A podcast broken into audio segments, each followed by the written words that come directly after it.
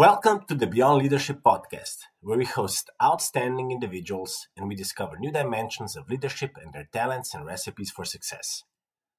This is our 20th audio tip of the week. Here are some fun facts about number 20. The atomic number of the chemical element calcium is 20. Did you know that Rubik's Cube can always be solved in 20 moves or less?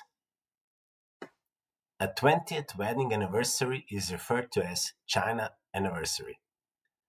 It's a tradition on a China anniversary to give your husband or wife something made out of China, obviously. And when I was 20, I pretty much had no clue what I wanted to become.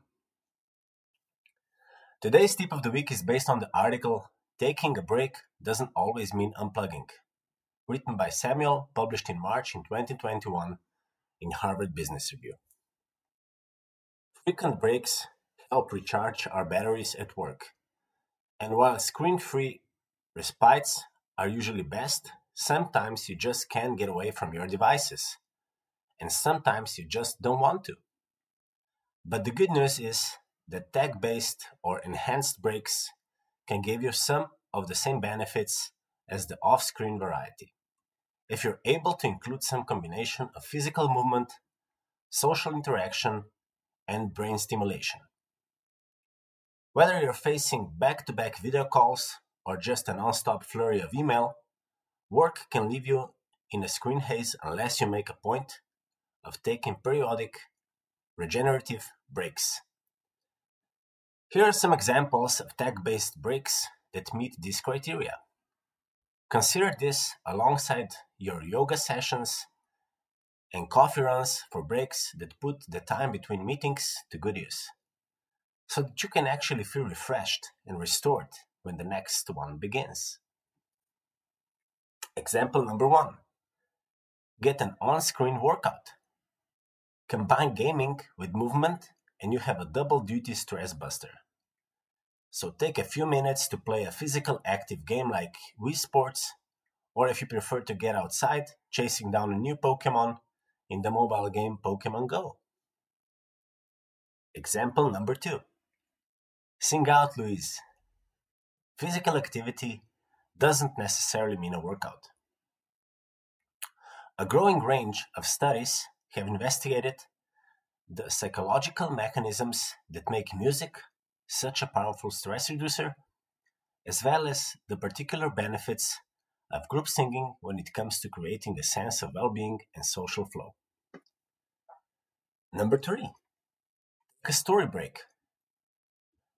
Fire up your favorite audio app and pick up your knitting, do the dishes, or go for a quick stroll, all while listening to a short story or a novel. No, don't try to pack a little more work time by listening to a business book.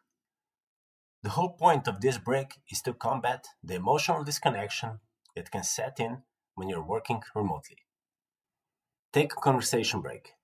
It's not an accident that audio only social networks like Clubhouse and Twitter Spaces have taken off at a moment when we're cut off from the casual chit chat of the office.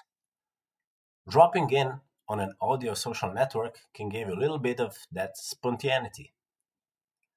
Whether you listen into a panel conversation that inspires you with fresh ideas, or jump into a smaller room for a little bit of a chit chat, an infusion of other humans can leave you re energized, and many even give you a new angle on a project or problem.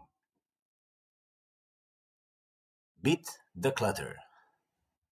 Research has shown that household clutter can make people depressed and overwhelmed. And if you're working from home, you don't get a daily 8 hour break from its impact. So pick a small decluttering project somewhere in your home, like that messy drawer in your kitchen or the pile of papers on your desk, and take 10 minutes to whip it into shape. And final example tune up your brain. A 2040 study of cognitive activities that can mitigate the risk of Alzheimer's suggested that any kind of cognitive play, cards, crosswords, checkers, is associated with better cognitive performance. Try Jeopardy, Memory Match, or song quiz while you stretch, walk, or tidy up. There is no rule saying you have to include your gadget in the breaks you take as a remote worker. But in those moments when stepping away is difficult, or if, like me, you really don't want to necessarily switch off and unplug, don't let that stop you from recharging your body and brain throughout the workday, just as diligently as you recharge your gadgets. Do you take mental breaks and unplug? What do you like to do to get unplugged? This was this week's tip of the week. Make sure to subscribe and follow us on all podcast channels like Spotify, Apple, Google, Castbox, and also follow us on YouTube, LinkedIn, Instagram, and Facebook. Till next time.